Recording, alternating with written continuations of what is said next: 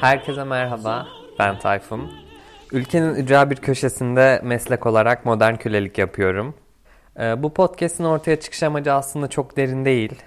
Kısaca bahsedecek olursam şöyle ki, hepimiz bir yerlerde bir şeyler tüketmeyi seviyoruz. Online alışveriş sitelerinden asla çıkmıyoruz. AVM'lerde indirim olunca beyin görmüş zombi gibi oralara koşuyoruz. O AVM'lerden çıkarken elimizde karton bardakta kahvelerimiz asla eksik olmuyor. Kimimiz harcadığımız mesailerde varımızı yoğumuzu ortaya koyuyoruz. Kimimiz ise boş zaman geçirmekten aşırı zevk alıyor. Ben de bu tüketim çılgınlığı içinde eğer bir şeyler üretmezsem kendim kaybedeceğimi düşündüm ve üretime geçtim. Aslında bu podcast'in hikayesi bundan ibaret. Bu podcast'te katılımcılar anonim olacak ve bu yayında her şey konuşulacak. O zaman algılarınız açıksa içimden geldi başlıyor. Keyifli dinlemeler.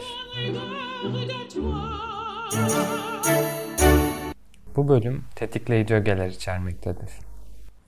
Toplumu oluşturan ve topluluk içinde bağımsız bir varlığı olan, düşünsel, duygusal, istensel nitelikleri toplum içinde belirlenen insanların her birine birey denir. İçimden Geldi'nin 15. bölümünden herkese selam sevgili dinleyenler. Eğer bu podcast serisini dinlemekten keyif alıyorsanız podcast'i dinlediğiniz platformlardan ve Instagram üzerinden takip ettiğiniz takdirde beni çok mutlu edersiniz. Bugün her zamankinden biraz daha soyut ve e, felsefi kavramlar hakkında konuşacağız. Bireylerden, toplumlardan ve bunlara bakış açılarımızdan bahsedeceğiz. E, toplumun içinde, sosyal yaşantımızdaki dinamiklerin içinde birey olabilmeyi, birey kalabilmeyi konuşacağız veya toplum olabilmeyi konuşacağız. Bugün yanımda Perde var. Selam Perde. Merhaba. Neden bu isimle sana hitap etmemi tercih ettin Perde? Çünkü perdeler insanların özel hayatlarına gizlemelerinde önemli bir etken oluyor. Kendimize en ait hissettiğimiz evlerimizde bizi e, dışarıya karşı koruyorlar. Ve ben de bu yüzden perde olmak istedim bugün. Ama bugün biraz perdeleri açmak istiyoruz. Çok güzel e, açıkladın. Perdeler bence de insanların e, özerkliğini, içinde bulunduğu o kaosu, belki karmaşayı, belki mutluluğu, sevinci, tüm duyguları gizleyen bir şey ve perdeler bence de insana güvenli hissettirebiliyor çoğu zaman. Peki o zaman şöyle başlayalım. Ben senin derin derin düşünmeyi seven bir insan olduğunu biliyorum. Ee, yaşadığımız toplum içinde birey olma uğruna bir mücadele veriyoruz. İşte bazılarımız bu mücadelenin farkındalığında oluyor. Bunun savaşını veriyor. İşte ben bir birey olacağım. Ben e, bu toplumda görünebilir bir birey olacağım şeklinde bir mücadele veriyor. İşte bazılarımız olmuyor, bunun farkında olmuyor ve tırnak içinde belki de bu topluma bir iz bırakmadan gidiyor. Ben bu bölümün diğer bölümlerden biraz daha farklı ilerlemesini istiyorum. Yani böyle e, soru cevap değil de biraz daha e, didaktiklikten uzak bir şekilde gitmesini istiyorum. Önce şunu konuşalım hep birlikte yani senle ben. Şimdi birey olabilmek için illa toplumun bir parçası olmak mı gerekiyor yoksa toplumdan ayrı bir şekilde de tanımlanabilir mi? Gerçekten çok iyi bir giriş sorusu oldu. Şöyle aslında bize her zaman şöyle anlatılır ve genelde de sosyolojide, felsefede böyle ele alınır.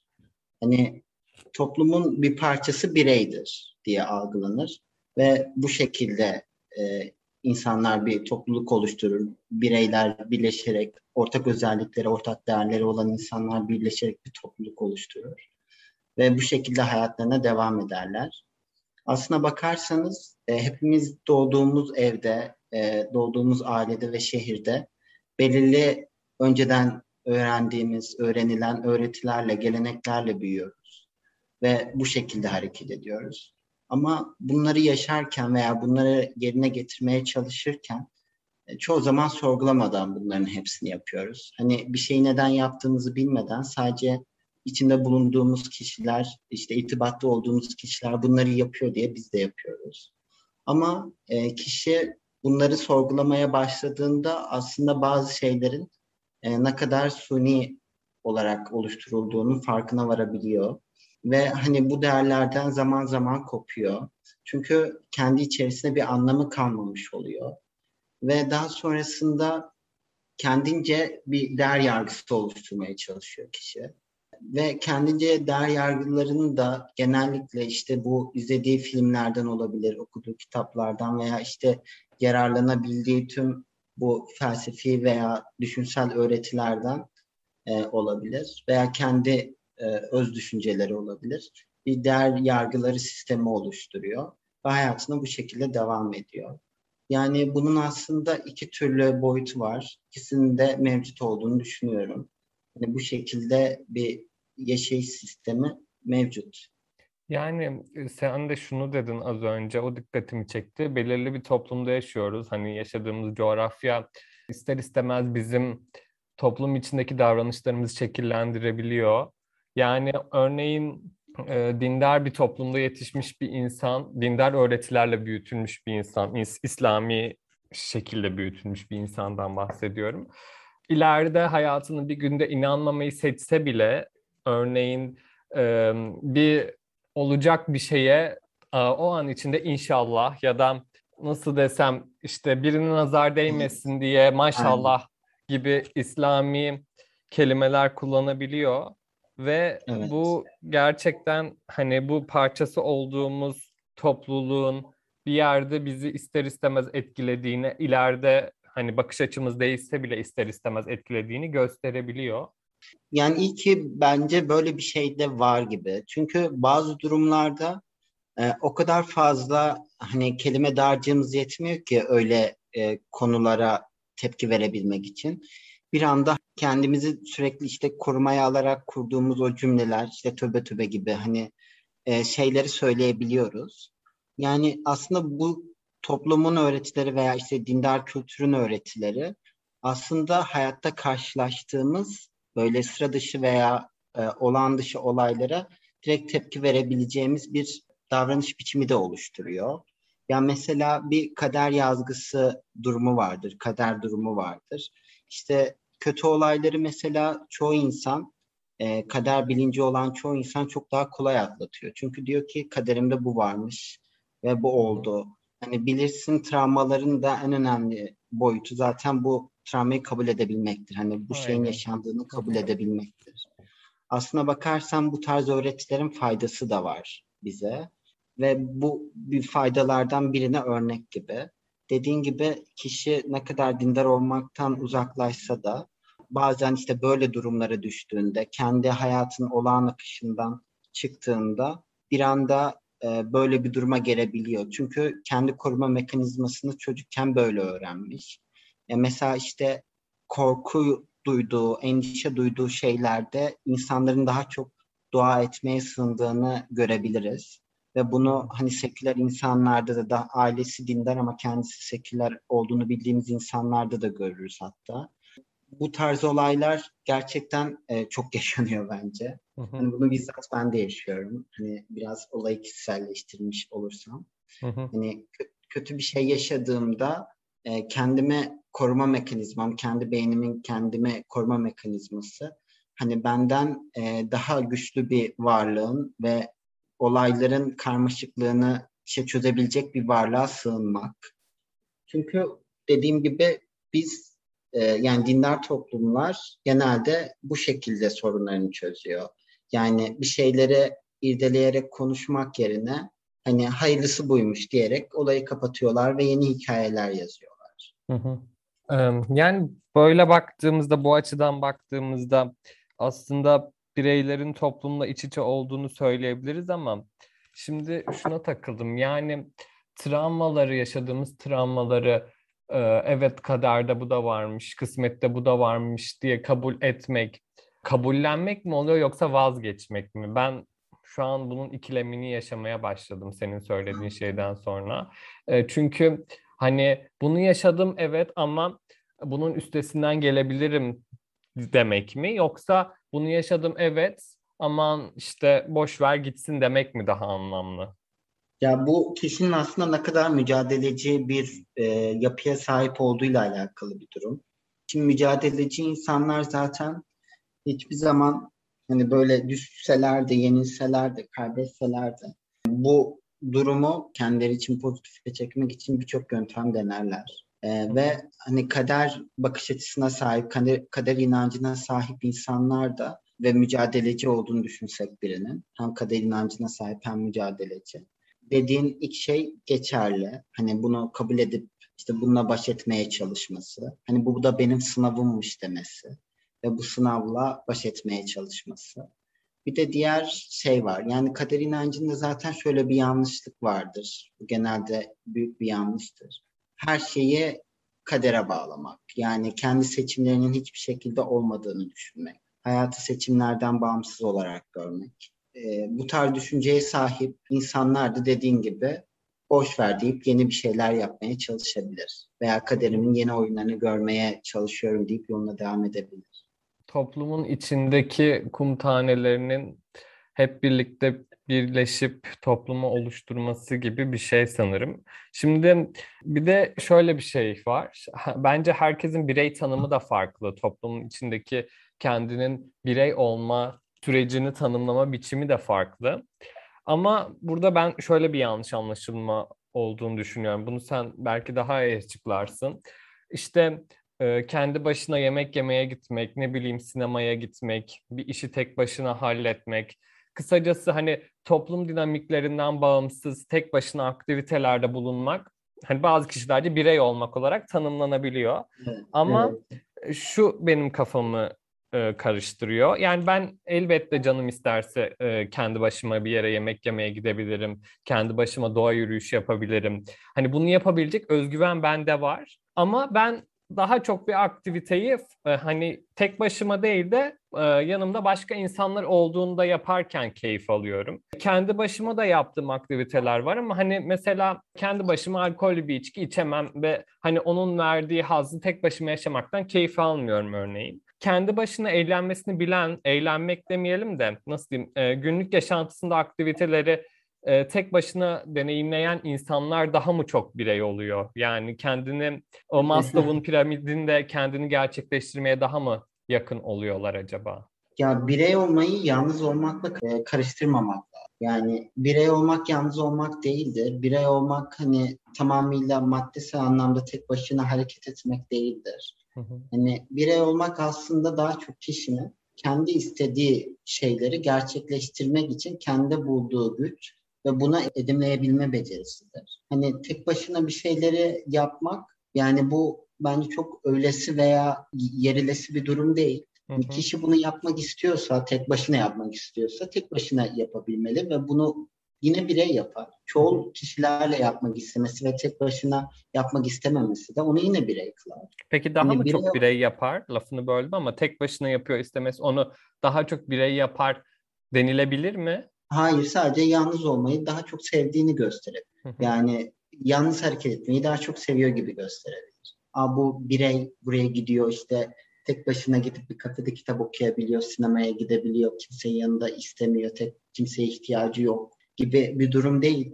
İnsan sadece etkileşimsiz bir ortamı seviyor olabilir kişi. Çoğu insanlarla bir şeyler yapmayı seven insanlar etkileşimi seviyordur.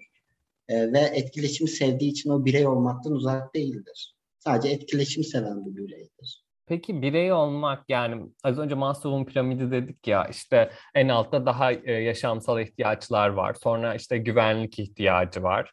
Sonra sevmek, sevilmek ihtiyacı var ve en üstte kendini gerçekleştirme dediğimiz bir basamak var. E, Maslow hmm. psikiyatri dinamiklerinde böyle bir nasıl diyeyim algoritma belirlemiş piramit şeklinde. Ve bu piramidin en üstüne çıkarken e, bu deneyimlediğimiz şeyleri deneyimledik diyelim. İşte yiyip içebiliyoruz, karnımızı doyurabiliyoruz, uyuyabiliyoruz. Güvenlik ihtiyacımızı karşılayabiliyoruz. Barınabileceğimiz bir evimiz var, dış tehlikelere karşı korunuyoruz. Sevme, sevilme ihtiyacımızı karşılıyoruz. Hayatımızda belki bir partnerimiz var, arkadaşlarımız var. Onlarla karşılıklı duygusal ilişkiler içerisindeyiz. Bir de en üstte kendini gerçekleştirme dediğimiz o basamak var. Bu en üst basamağı biraz betimleyebilir misin? Yani kendi gerçekleştirmek e, bir yol olarak tarifleyebiliriz. Bu yol metaforu birçok şeye entegre edilebilir bir metafor. Buna da entegre edebiliriz diye düşünüyorum. Ve bu yola çıkarken e, ve tüm bu yol boyunca insanın kafasında çeşitli sorular şekillenmeli diye düşünüyorum. Yani ilk başta e, bu soruların en temel hani varlık felsefesinde de geçen hani ben neyim, ben kimim, e, işte neden varım, neden böyle bir sistem var sorgulamalarını gerçekleştirdiği ve buna e, az da olsa kendince tatmin olduğu cevaplar bulabildiği bir yol bence. İnsan mutlak bir gerçeklikte bir cevap aradığı takdirde yani e, tüm dünyadaki insanları kapsayabilecek bir cevap arıyor bazen böyle bir yola çıkarken daha genelleyici olmak için. Ama bu tarz aradığı cevaplar genelde çok cevapsız kalıyor. Çünkü dediğim gibi kişinin kendini tatmin edebilecek cevaplar burada daha çok yeterli ve daha doyurucu oluyor. Hani genelleyici cevaplar aramak birçok deneyim gerektiriyor ve insan bu kadar deneyimi tek başına başarabilecek bir boyutta değil. Hani kolektif bir akıl düşündüğümüzde o zaman belki böyle bir cevap bulunabilirdi. Ama maalesef e, bunlar da genel olarak şöyle oluyor. Hani e, toplumların, devletlerin e, işte ve dinlerin oluşma biçimleri şeklinde oluyor.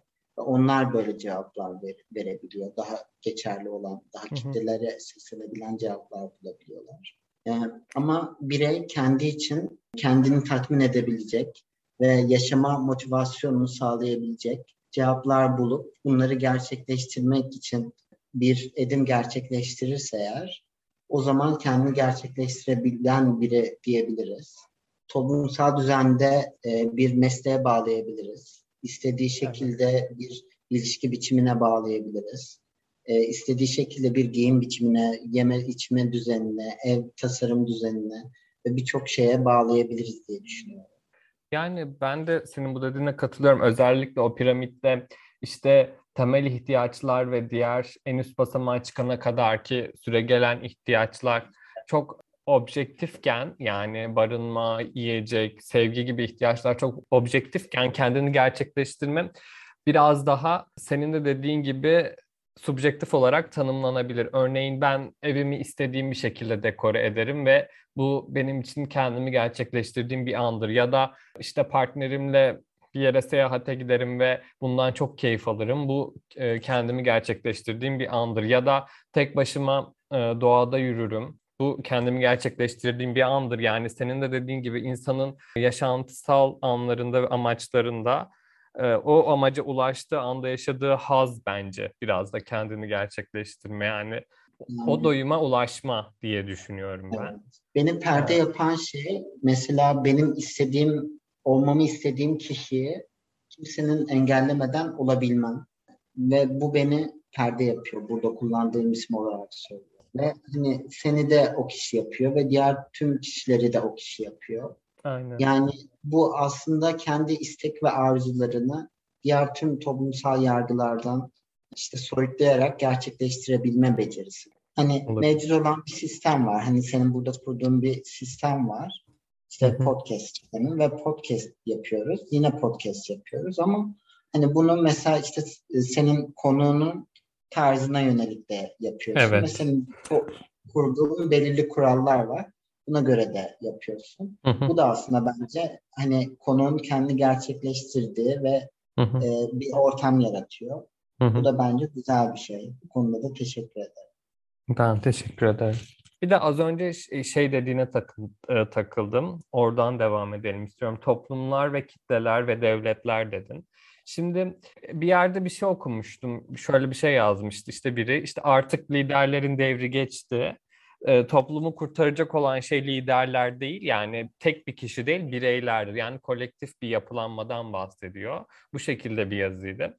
Şimdi bunu okuyunca da şunun üzerine çok fazla düşünme fırsatım oldu. Çünkü hani artık liderlerin devri geçti, toplumu kurtaracak olan şey e, gelecek liderlerde değil bireylerde deyince bunu biraz daha liberalist ya da belki de biraz daha hani devletin yokluğuna den vurarak anarşist bir tarafa çekebiliriz. Ama e, hani üzerine de düşünmeye devam ettikçe bunun hani bir doğruluğunun olabileceğini de düşündüm. Çünkü yani toplum olarak bu düştüğümüz bataklıklarda kendimizi kurtarmak için illa bir lidere ihtiyacımız var mı? Tamam bir ara vardı ama şu an var mı diye düşündüm. Çünkü şu an bence her birey e, özellikle sosyal medyanın bu kadar yayılmasıyla birlikte toplumu etkileyecek bir noktaya geldi ve e, toplumda bir iz bırakabiliyor yaptıklarıyla. Örneğin biz 10 yıl önceki bir yaşadığımız bir ya, ya da deneyimlediğimiz bir videoyu, YouTube videosunu örnek veriyorum. Şu an hala konuşabiliyoruz ve bence bu insan orada bir iz bırakmış demek. Sence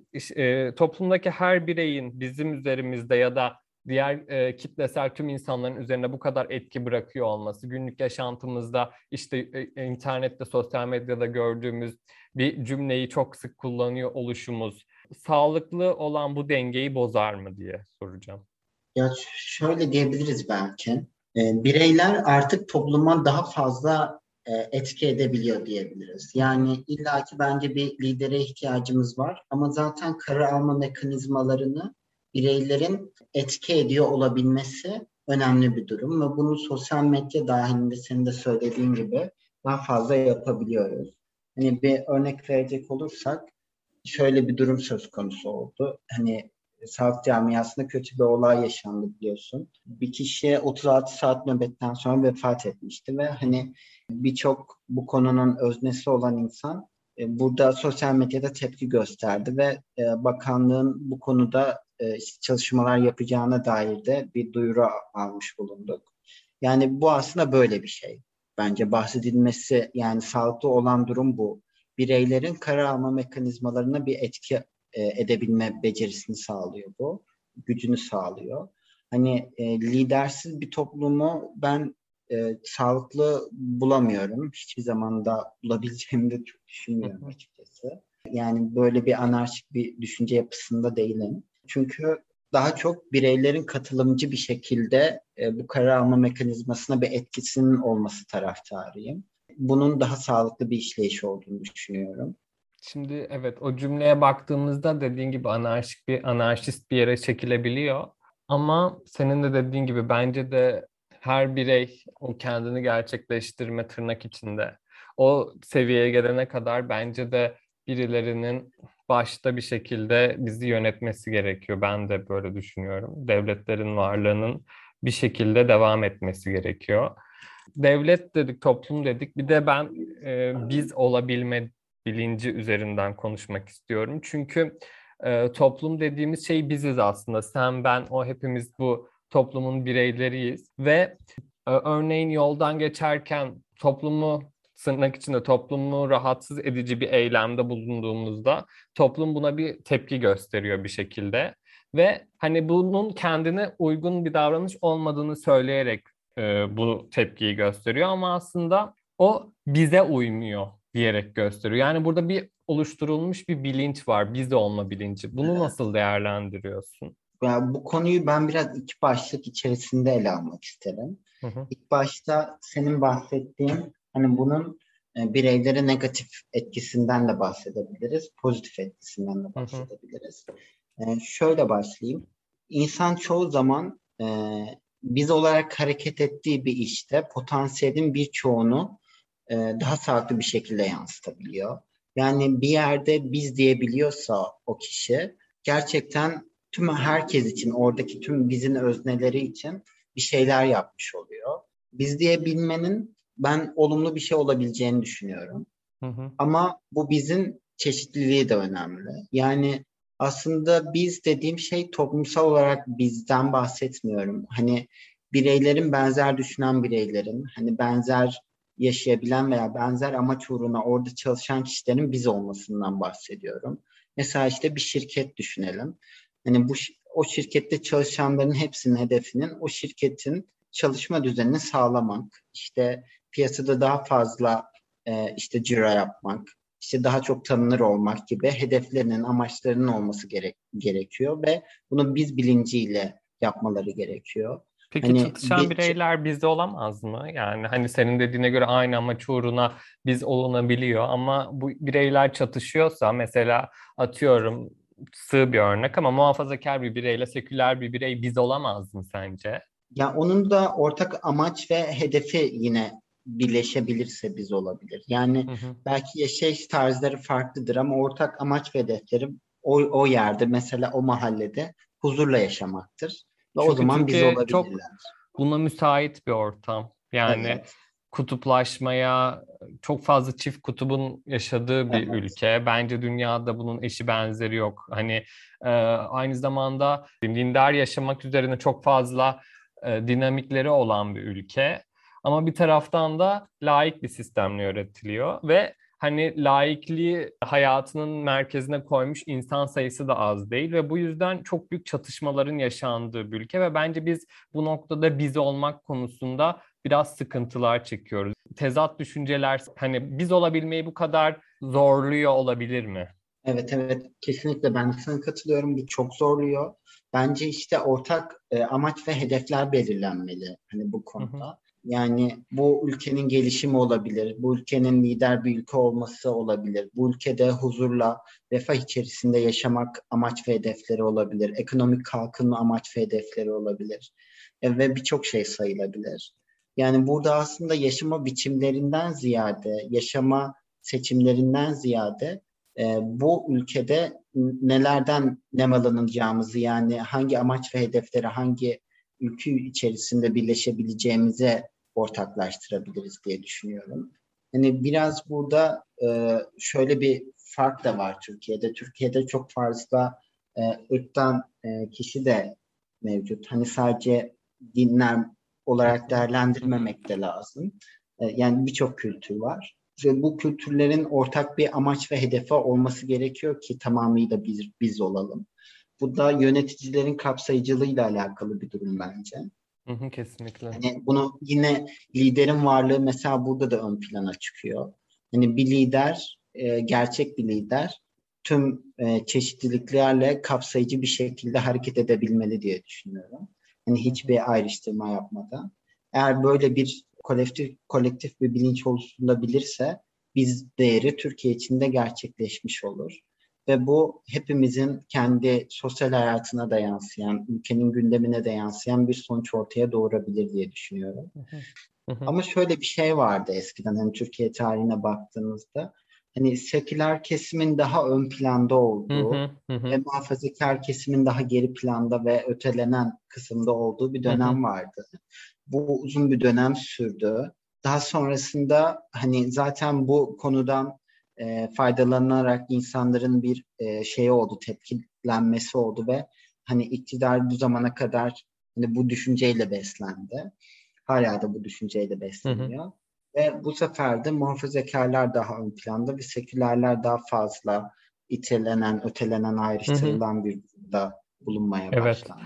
Ya farkındaysan ötelenen tarafın e, sesi önce bir azaltılıyor, sonra daha gür bir şekilde çıkmaya başlıyor ve bir şekilde e, o iktidarı, o gücü elde etmeye çalışıyor gibi. Senin de dediğin gibi seküler kesimin daha fazla söz sahibi olduğu dönemde muhafazakarların sesini çok duyamıyorduk ama sonra bu e, nasıl diyeyim hani bir binanın oluşu- oluşumu sırasında üst üste konulan tu- tuğlalar gibi birikti birikti birikti ve koca bir yapı oluşturduğunda hani seküler kesimi e, bastırıp muhafazakar bir iktidar ele geçti. Evet. Yani şu anda da sosyal medyada tam tersini görebiliyoruz. Yani biraz daha e, seküler kesimin yavaş yavaş sesinin çıktığı bir yere doğru gidiyoruz. Yani bu bir kısır döngü mü? Seküler kesim tekrardan iktidara geldiğinde misal farazi konuşuyorum gelirse eğer muhafazakar kesimin sesini daha mı e, az duyup sonra tekrardan bir sıçrama yaşanır mı sence? Bu Yani bu bir olan- toplumsal devinim şekilde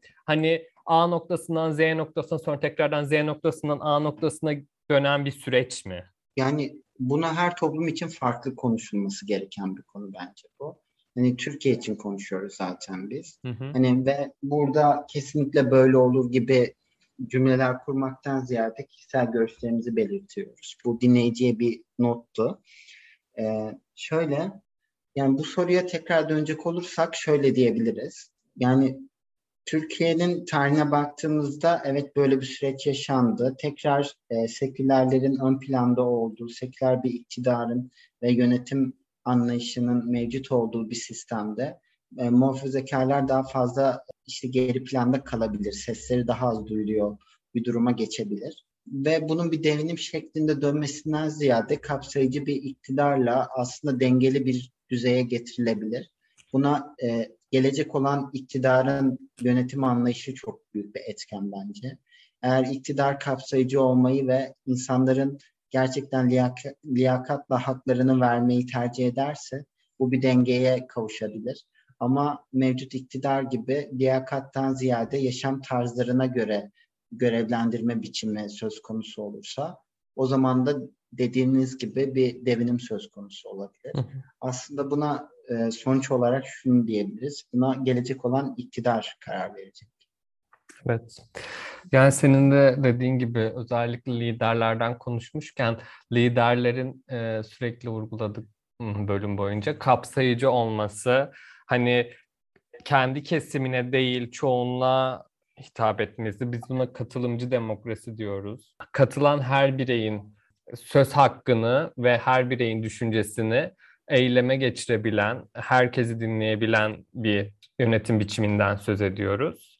Yani demokrasi bence azınlıkların haklarını geri planda bırakabiliyor. Yani demokrasi çoğu zaman çoğulun aklını ortaya Hı hı. Ve bu yüzden kapsayıcı olmaktan uzaklaşabiliyor. Hı hı. Yani ama e, her kesimden katılımcı bir demokrasiyi e, söz konusu aldığınızda e, o zaman gerçekten her kesimin işte sorunları, problemleri, çözülmesi istediği tüm her şey, istekleri ön plana çıkmış olabiliyor ve mevcut yöneten kişiler e, bu konuda yaptırım uygulayabiliyor. Hı O hı. yüzden e, katılımcı bir yönetim anlayışı her zaman daha sağlıklı bir sonuç ortaya getirebiliyor diye düşünüyorum. Bugün e, biraz daha farklı bir şey yaptık. Yani biraz daha didaktiklikten uzak felsefi şeyler hakkında konu konuyu açan bir bölüm çektik. E, bu da benim için de çok keyif vericiydi. Umarım dinleyen herkes de aynı keyfi almıştır. E, çünkü e, yaşadığımız bu hengamede belki de en çok unuttuğumuz şeylerden biri bu. E, hem bir bütünün parçası olmak hem de o parçayken tek başına bir bütün olabilmek. Yani tamamlanmış hissedebilmek. Ee, Ben bu podcast serisinde biraz daha felsefi ve düşünsel bir bölüm deneyimlediğimiz için sana çok teşekkür ediyorum Perde. Düşüncelerimi paylaşma imkanı sunduğun için de ben çok teşekkür ederim. Ee, Burada umarım tüm dinleyicilerin kendini gerçekleştireceği yolda bir ışık olabilmiştir veya bir fikir sağlayabilmişizdir. Ee, Bu konu dediğim gibi çok çeşitli bir konu. Hani insanın birçok yerden beslenebileceği, birçok yerden fikir alabileceği bir konu. Buna birçok kitabı örnek gösterebiliriz. Ee, Burada bir kitap önerisinde bulunmak istiyorum. Birçok kişinin e, belki okuduğu veya gördüğü kitaptır. Ama Orhan Pamuk'un Kırmızı Saçlı Kadın kitabı bu konuda e, önemli bir kitap bence. Bunu dinleyen kişilere öneriyorum. Umarım tüm dinleyicilerimiz kendi gerçekleştirebildiği e, bir dünyada yaşama imkanını bulur. Herkese sevgiler, saygılar. Bir sonraki bölümde görüşmek üzere. üzere.